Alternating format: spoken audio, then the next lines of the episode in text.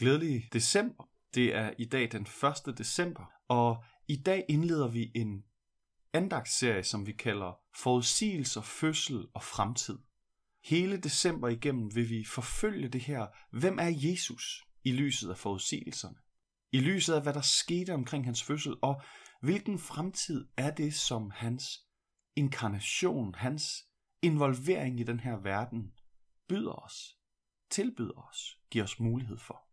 Jeg vil læse for dig, for at sætte en ramme omkring den her andagsserie og den her december, fra 1. Mosebog kapitel 3, vers 14.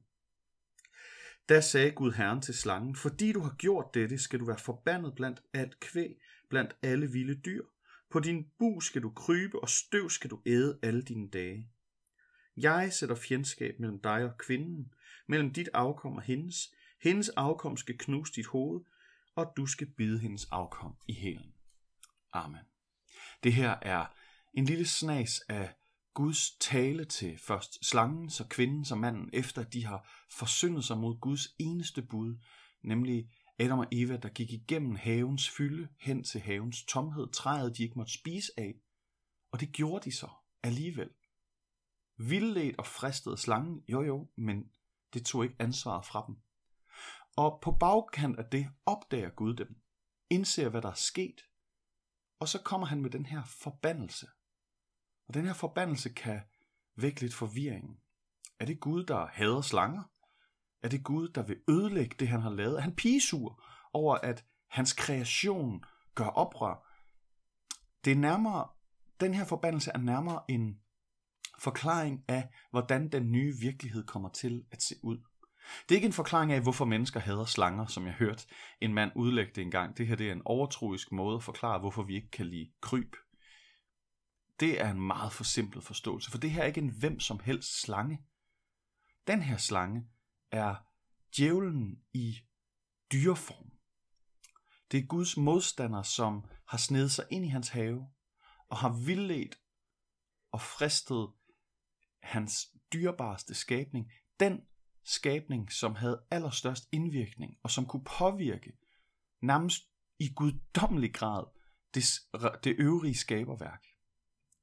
Og slangen har fristet dem og sagt, Gud han har ikke gode intentioner med det bud, han har givet jer om ikke at spise det her træ.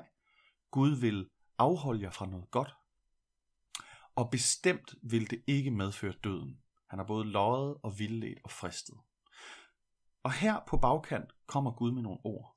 Først til slangen, om hvordan den her djævelske skikkelse fremover ikke bare kan gå omkring som en brølende løve, men vil snige sig ind på mennesker. Han kommer også med en konkret forudsigelse om, hvordan slangen den øh, vil møde sit endeligt en dag. Men det her, den her vandring fra at være i intim relation med Gud i paradishaven, til nu at stå i en ny virkelighed, hvor vores egen agenda, den hele tiden frister os til ikke at lytte til Guds. Vores egen ønske om at være vores egen herre, det river os midt over, for samtidig er der noget i et hvert menneske, hvor vi kan mærke, at der er en, der er en Gud, som vil os. En Gud, som elsker os, og en Gud, som har et formål, som passer i tråd med, hvem vi er. Det, som ligesom bliver rammen omkring julefortællingen, julehistorien og den her juleandagsserie, er netop de her ord. En dag vil der komme en Evas søn. Han vil blive født ind i verden. Og han vil knuse slangens hoved. Alt det ondes magt vil blive brudt.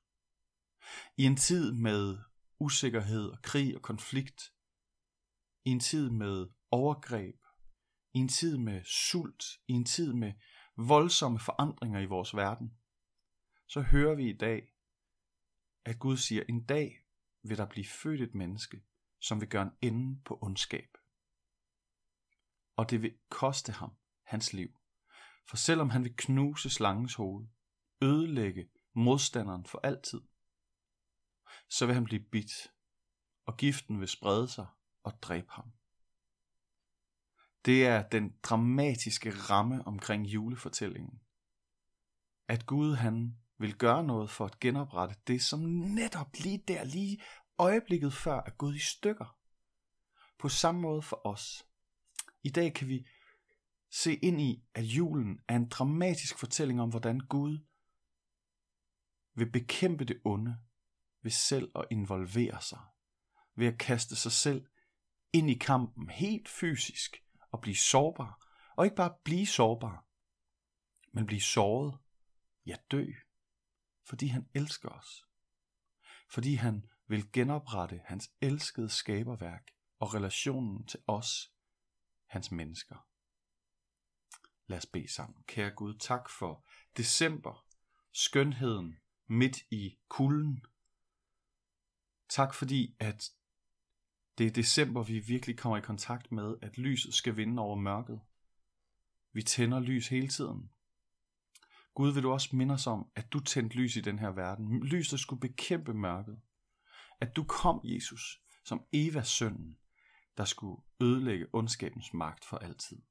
Og tak fordi du gjorde det, selvom du vidste, det ville koste dig et bid. Du ville blive såret, ja ødelagt, af det selv samme onde, som du kom for at bekæmpe. Amen. Giv han en rigtig dejlig weekend.